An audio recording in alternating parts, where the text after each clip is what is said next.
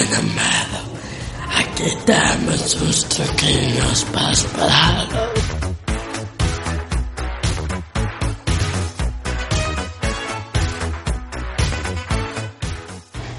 Se tes medo, canta.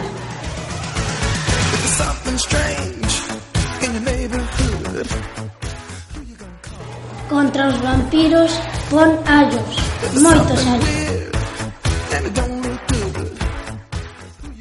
Tamén serve un peluche para o medo.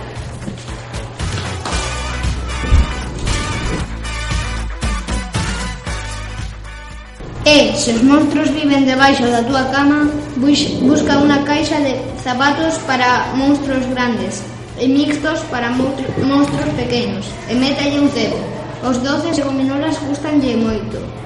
Deixa un pouquiño e pecha, e pecha a caixa.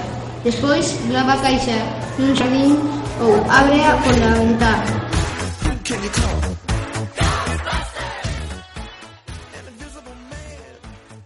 Ya no volverá.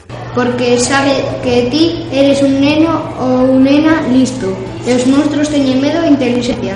Só medrarán cos parvos.